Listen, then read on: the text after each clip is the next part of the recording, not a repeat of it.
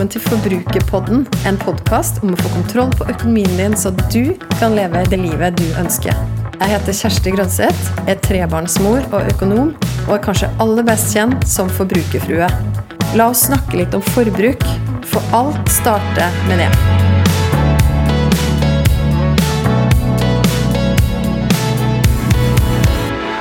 Kjære forbrukerfrue.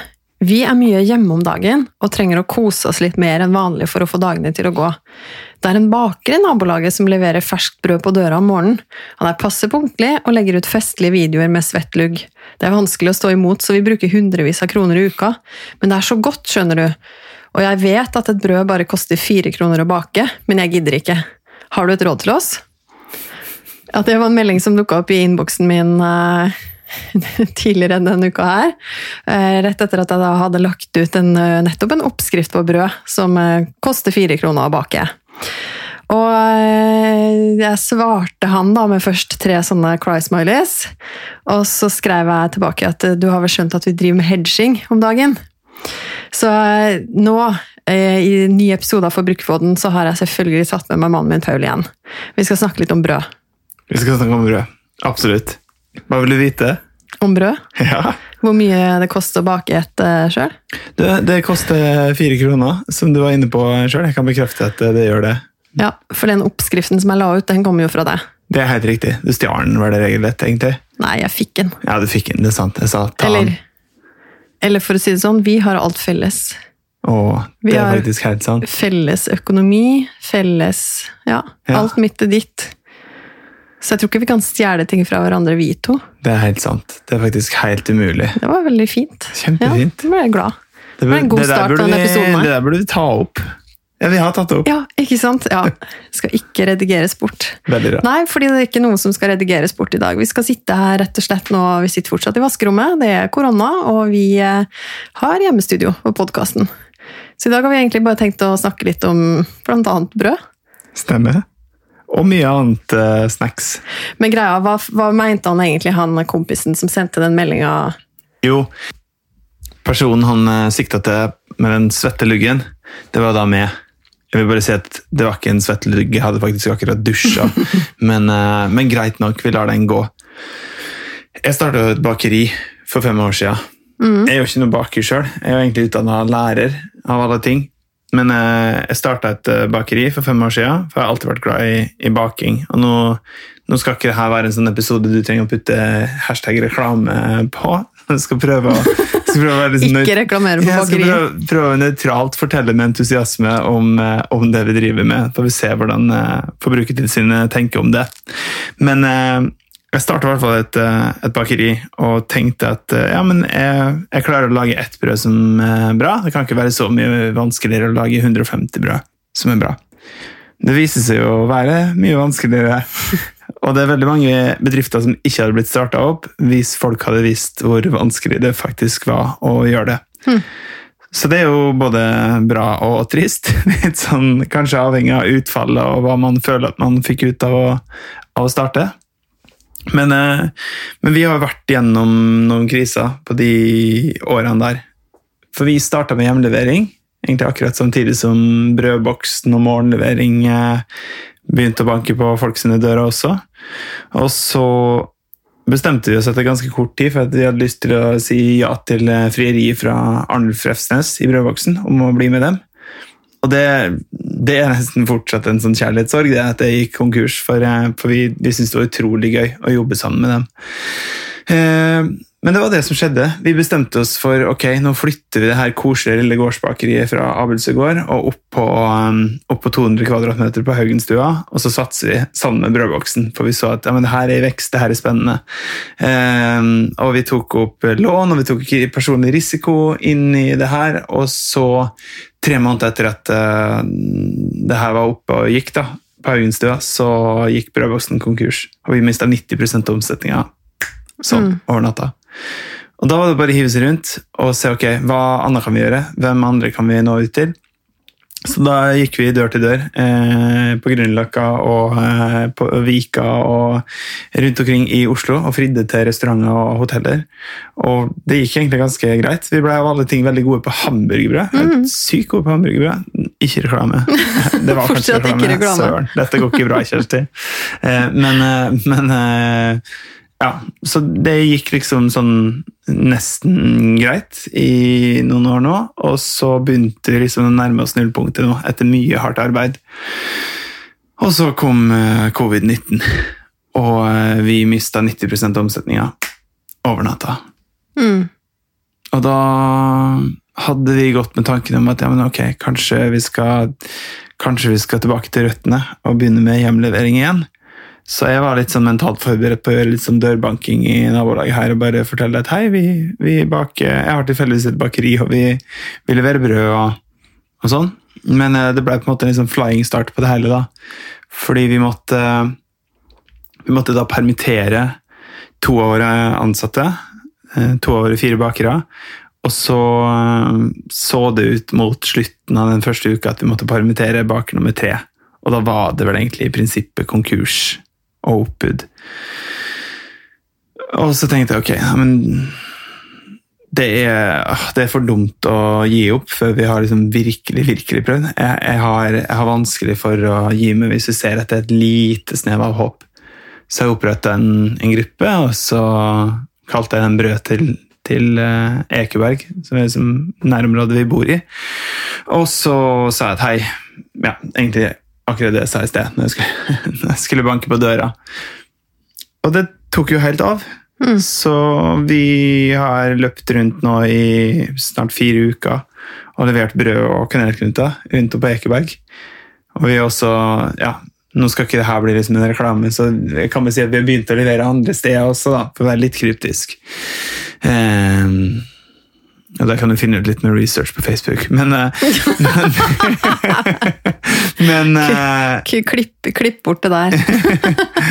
det som er greia, er at ja, det, det har, eh, vi har tydeligvis klart å gi noe til folk da, som folk har glede av i den fasen her. Men da, da kan man jo spørre seg selv hvordan harmonerer det her med liksom en, en eh, såkalt svettlugga mann da, som løper rundt og forteller entusiastisk om eh, sine brød og boller, eh, mens, du, eh, mens du prøver å hjelpe folk til å spare penger med brødoppskrift eh, ja, fra samme mann til fire kroner.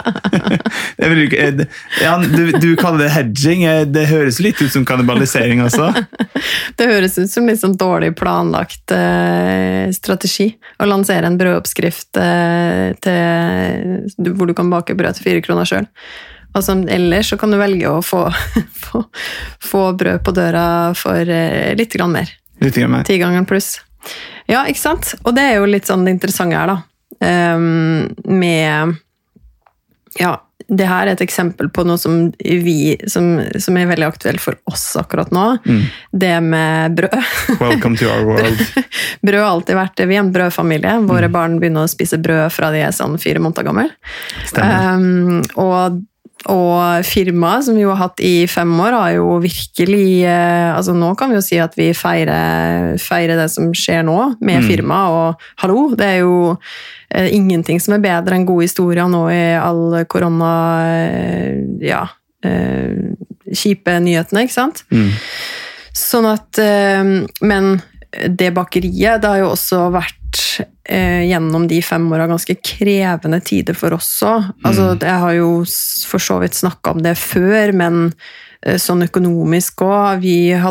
Du starta jo egentlig uten at vi hadde spart opp masse penger til å investere i et bakeri, og så så du jo det behovet for utstyr og investering og ja, oppskalering, alt mulig. Dukka opp ganske fort. og det viktigste de har lært oss, er vel kanskje at eh, hvis du skal gjøre noe lignende igjen, så skal vi vel aldri starte, starte et bakeri nummer to, sånn sett. Men, eh, Ja, si ikke det. men at vi i hvert fall skal bygge litt sunnere fra bunnen av, da. Definitivt. Ja, Men det, det er for så vidt en helt egen episode. Det kan vi, vi kan dykke dypt ned i lærdommen av det å ha vært eh, gründer og gründerfru i eh, fem år. Mm. Ja, vel så det. Altså, vi er vel egentlig vandrende eksempler på både hvordan man ikke skal gjøre ting, og hvordan man kan gjøre ting Ja. på en smartere måte. Ikke sant? Men ok, så tilbake til brød og hjemlevering av brød, eller baking av brød, da. Altså, jeg tenker jo at det er liksom et godt eksempel på, på et sånt dilemma som kanskje mange kjenner på om dagen. da. Fordi at på den ene sida så Og nå snakker vi selvfølgelig i lys av korona igjen. Mm. På den ene sida så er det jo mange som er permittert etter hvert, mista jobben sin, som da sitter der hjemme med mindre inntektsgrunnlag, og som har behov for å spare penger. Og på den andre sida så har du da bedriftene, og gjerne de lokale bedriftene også, som, eh, som også er ramma. Og som eh, man da Mange oppfordrer også til å være med og støtte og bidra til det lokale næringslivet spesielt osv. for å såkalt holde hjula i gang. da. Så jeg syns personlig at det er skikkelig dilemma. Det er litt sånn der jeg spare, kutte forbruk, eller bruke for å backe Mm. akkurat nå. Ja, absolutt. Det er ikke lett. Nei, det er ikke lett i det hele tatt. Og, og jeg representerer jo en av de som, som da oppfordrer til å, til å benytte våre til å benytte det vi tilbyr, og, og, og bruke penger på oss. Så, så vi, vi står jo på en måte sånn sett eh, tilsynelatende og representerer liksom hver vår side, eller hver vår, eh, hver vår tue, der du snakker om å, å spare, og der jeg snakker om å der jeg snakker om å bruke. Nå er det ikke så svart-hvitt, da. Nei, og det der er jeg litt glad for. da, at jeg egentlig, Når jeg snakker om en sunn økonomi, så snakker jeg jo gjerne om en sånn helhetlig tankegang. Og, og aller helst liker jeg å bruke den kaka mi og den kakemodellen, som da er hele inntekten i form av en kake, og hvordan du fordeler den i fem kakestykker i løpet av en måned. Og det skal jo sies at det kakestykket som er størst, er jo leve, levekostnadene, og det er jo f.eks. å kutte forbruket sitt, spare penger på mat, er jo et grep som vi snakker mye om at man kan ta. Absolutt. Derav også denne brødoppskriften for fire kroner. ikke sant? Altså x antall tusen du sparer da, på å bake brødet litt sjøl. Og veldig mange andre smarte grep for å spare penger på mat. Og generelt så handler jo det om i en krisesituasjon um, hva, og, og egentlig bestrupe inn på alt man kan. da. Samtidig så, og for så vidt også i en normal situasjon, å få levekostnader som er, uh, som er innenfor det du har råd til. og Absolutt. matcher Altså at livsstilen, egentlig, livsstilen din matcher, matcher det du har råd til. da Mm. bruke. Også, men så har du jo også det kakestykket som heter Nyte. Ja, jeg er veldig glad for at jeg har det. Jeg er veldig glad også for at du har det. Dagligbrød, takk i det. Ikke ja, og ikke bare de. Men, eh, men eh, vi har jo snakka mye om at f.eks. å kjøpe de beste kaffebønnene i byen, Mm. eh, det er viktig for oss også nå. Ja, det er helt elementært for overlevelse. at- Eh, Ja, for det er litt sånn at Og jeg merker at nå må jeg liksom veie ordene mine veldig, for at er man, er man i, en, i en helt sånn akutt krisesituasjon nå, Mm, der, ja. man er to foreldre i en husholdning som begge er permittert osv., så, videre, så, så så høres det kanskje litt flåsete ut å snakke om å liksom velge sin luksus og bruke penger på å nyte osv. Det er helt sant. Og det, og det er jo nettopp også derfor jeg er glad for at det er en egen bolk. At um, man ikke skal legge opp til å ha et høyt forbruk, Mm. men at disse tingene Og, og det, nyte, det nytekakestykket, det er jo heller ikke det er jo heller ikke så stort at man har råd til alt. Mm. Så der kommer jo det med prioritering inn. Man kan kalle det kalkulert nytelse, egentlig. Ja, og litt sånn der at du velger dine favoritter, det tror jeg veldig på. Og i det så tror jeg på å bruke de pengene på noe som genuint skaper verdi i mitt liv. da. Mm. Og om det er å få brød på døra, eller om det er å drikke den gode kaffen, eller for så vidt om det er å eh, gå eh, en gang i måneden til frisøren. Altså, alt det som skaper verdi for meg, Mm. som også da bidrar eh, i, ja, til å skape arbeidsplasser da, til syvende og sist, fordi man velger å kjøpe de varene eller tjenestene. Mm. Ja, absolutt.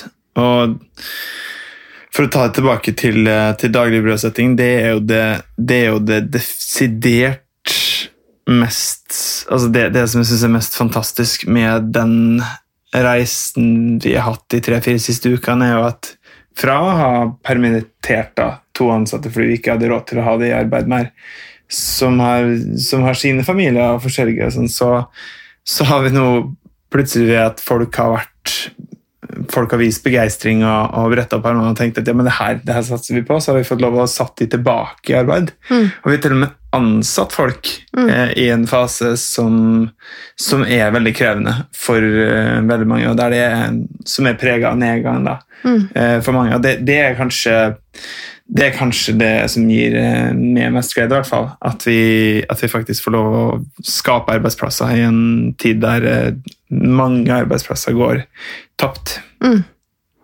Ja, også i all ydmykhet da, så har dere jo eh, funnet et produkt som faktisk gir folk verdi. da. Nå må du passe på så det ikke blir reklame her. Det skal fortsatt ikke du være balanserer reklame. på en knivsegg her. Ja. Nei, men jeg, jeg tenker at det handler jo Det snakker jo du og jeg mye om òg. Mm. Altså, hva er det som genuint skaper verdi for oss? Og, og, og, og det som er at i, gjennom krisa sånn, så um, altså Det som også er veldig kult nå, er at det er veldig mange bedrifter som snur seg rundt, og som skaper, som innoverer. Mm. Som skaper nye kreative løsninger for å skape enda mer verdi for folk. Da. Ja, det er helt definitivt. fantastisk. Og, det var litt interessant, for jeg snakka med ei eh, ei DNB Nyheter i går, som, eh, som nevnte akkurat det her, liksom presenterte denne statistikken og sa at de hadde gjort en, en måling, om det var DNB eller om det var noen andre, men med at tre av Tre av ti bedrifter i Norge har nå drastisk endra sin forretningsmodell som følge av koronaviruset. Så det, det viser jo en, en vilje til å, til å snu seg rundt. da. Ikke bare i det eksempelet jeg har, men, men i veldig mange tilfeller. Og jeg, jeg, jeg håper, eh, i en fase som er prega av veldig mye, veldig mye vondt, veldig mye vanskelig, eh, som vi ikke skal feie under teppet men at vi kan få lov å høre enda mer av de historiene om, om at det er håp, og at det, det finnes eksempler på folk som hiver seg rundt og, og gjør alt de kan for å få det her opp på beina. Altså. For vi trenger de historiene også eh, i, i denne smitte, smittetida. At vi smitter hverandre også med gode nyheter. da. Eh, fordi at samtidig så, så sa hun det at eh, 50% av alle bedrifter i Norge er også, også en, har også en uttrykt pessimisme overfor de, de neste tre årene. nå. Og Det er på en måte en, liksom en helt annen klang i fløyta enn det det var før covid-19 slo inn. Så, eh, så det er veldig interessante tider. Men, jeg- men jeg, jeg syns det er utrolig inspirerende å høre om de som, som faktisk ja, skape muligheter skape verdi. Mm. Og, og, og kanskje er det svaret, litt av svaret på spørsmålet om ja, men ok, skal vi, skal vi nå forbruke mer, eller skal vi spare mer, eller hvordan, hvordan skal vi gjøre det? Jeg tror ikke det er noe svar med to streker under eh, der, fordi det er så stort sprik da, i de situasjonene som du også beskriver her. Men jeg, jeg tror at uh, hvis jeg skal på en måte prøve å dra én ting ut av det her eh,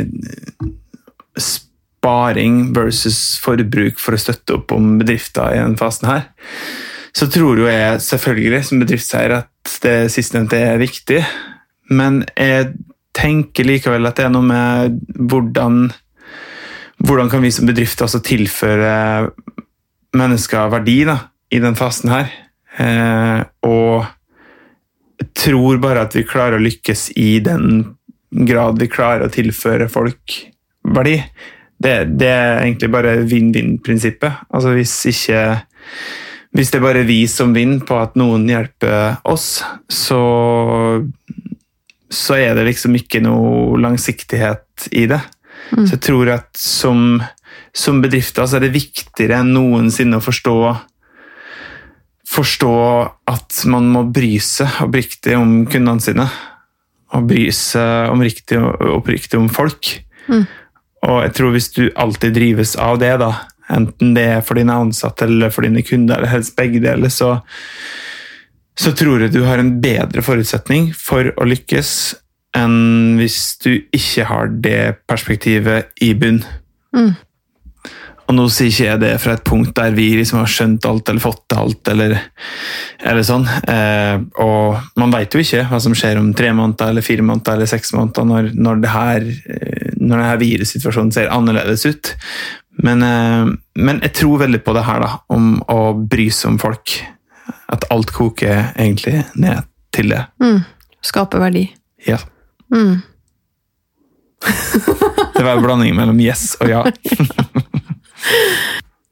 Men nå skal ikke vi sitte og, her og late som, eller bare snakke om det som har gått bra i den perioden her, da. For det er jo ikke til å stikke under en stol at det er en, har vært og er en veldig krevende periode Mm. for mange, inkludert oss. Definitivt. Men apropos hva man kan gjøre og få ut av pengene sine da, i en sånn her periode, og hva man velger å prioritere penger på, så har jeg jo sagt tidligere i en episode at eh, vi eh, velger å investere i forholdet vårt akkurat nå. Det stemmer. Og nå bare tenkte vi skulle ta dere litt sånn bak fasadene. Nei, vi har ikke så mye fasade, Nei, men uansett. Hva er denne mystiske investeringen i forholdet? Parterapi. ja, du, du følte at den fortjente en sånn champagnekort? Den fortjente en vignett. Ja, altså, og det er litt sånn eh, Det er jo litt, det er litt sånn tabu å snakke om, på et vis. Nei, ja. Jeg syns ikke det i det hele tatt. Men, men der, er vi, der kan det godt hende at vi er litt forskjellige. ja. Nei, men jeg tror kanskje generelt. Jeg, jeg snakker på vegne av folk.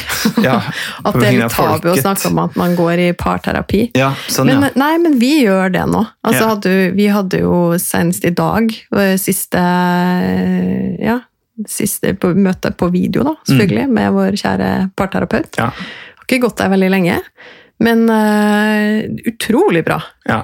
Nei, fantastisk. Bra bruk av penger. Ja, og vi skal ikke slenge ut reklame her for, uh, Nei, for ikke si hvem det er. men, men, uh, men jeg vil slenge ut en sånn uh, generell shout-out til alle parterapeuter der ute, og alle som vurderer å bruke penger på det. Bruk penger på det. Mm. Det er en, eh, det er en investering i eh, Ja, det er naturligvis en investering i, i forholdet.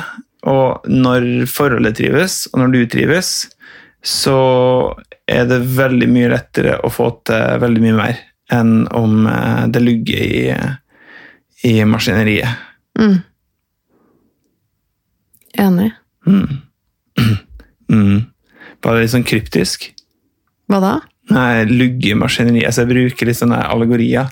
Altså, vi har brukt mange sånne metaforer. Allegori, hva er det for noe? Nei, jeg må sjekke det på Google. faktisk. Jeg, jeg tror det er det samme. Jeg tror det heter metafor. Ja, jeg håper jeg skulle slippe unna. Men, Ja. Vi har brukt mange ja, i den podkasten her nå. Stikke under en stol, Mm. heter det. Ja. ja, det heter det. Feie under teppet. Det heter det også. Du har klart å nesten si brette opp ermene riktig. Nesten riktig. Nesten Du sa det feil. Mm. Men eh, eh, Det her er sånne ting vi snakker om i parterapi. da. ja. Mm. Ok, du som hører på nå, du skjønte Ja, der skjønte jeg ja, hvorfor de trenger å bruke litt penger på det. Mm. Nei, men eh, sånn helt seriøst, altså enig med det du sier. At mm. uh, vi godt kan fjerne, ta bort litt tabuet vekk fra å, å gjøre det litt mer lavterskel og søke hjelp. Ja. Generelt, Mm. men også i parforholdet. ja. Og jeg tror jo at vår ja, økonomi har jo vært et superhett krangletema for oss. Er ikke det så mye nå lenger, men og mange andre issues som noen av de ble rett og slett for store til at vi eh, kunne klare å deale med de på egen hånd. Mm. Dynamikker og mønster og alt det der. Stemmer. Og det da å ta oss på alvor Og tilbake til den der kakemodellen igjen, så så snakker jeg om uh, å bruke penger på hva man drømmer om også. Bruke, spare til en drøm, eller Mm. investere i en drøm. Mm. Og Vi drømmer om å få et eh, enda bedre forhold, Ja. og da tenker vi at det er verdt å bruke penger, eller faktisk investere penger i det. Ja, ja. Det er så definitivt en investering. Og, og vi har masse som, som fungerer veldig bra i vårt forhold. Jeg, jeg stortrives med å være gift med det. Og så har vi vært gift i elleve år nå, snart. Så, så det, har, altså, det her er jo dynamikker som har bygd seg opp over tid, og, og ja Det har måttet vært grobunn for ting som har vært bra, grobunn for ting som ikke har vært fullt så bra. så man kan si sånn, Den runden her med parterapi har vi vel tatt litt sånn reaktivt. Basert på at vi, liksom, okay, vi har kommet til et punkt som du sier at ok, det her ting er litt for store til at vi klarer å ta det sjøl. Og så har det også vært dels proaktivt, for at vi ønsker oss å bygge noe for det som ligger foran. da. Mm. Og, og det er også viktig å si at det er ikke, parterapi er ikke altså Parterapi kan være ut ifra et utgangspunkt at man har det elendig, men det kan også være ut ifra et utgangspunkt at man har det bra, men at man vil ha det bedre. Mm. Sånn sett ikke så annerledes fra et treningssenter. Du ser folk i veldig mange fasonger der. Mm. Og det samme tror jeg du, du vil gjøre i, i parterapisettingen også. Men jeg er, jeg er kjempeglad for at de bruker penger på det.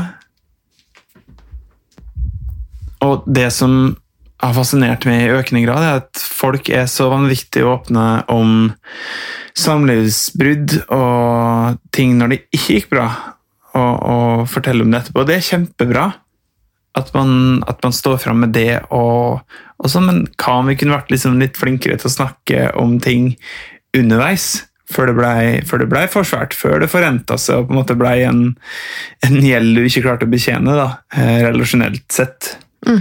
Så nei, jeg slår et slag for å snakke åpent om at ting kan være vanskelig underveis. Mm. For å slippe at det blir veldig vanskelig etterpå.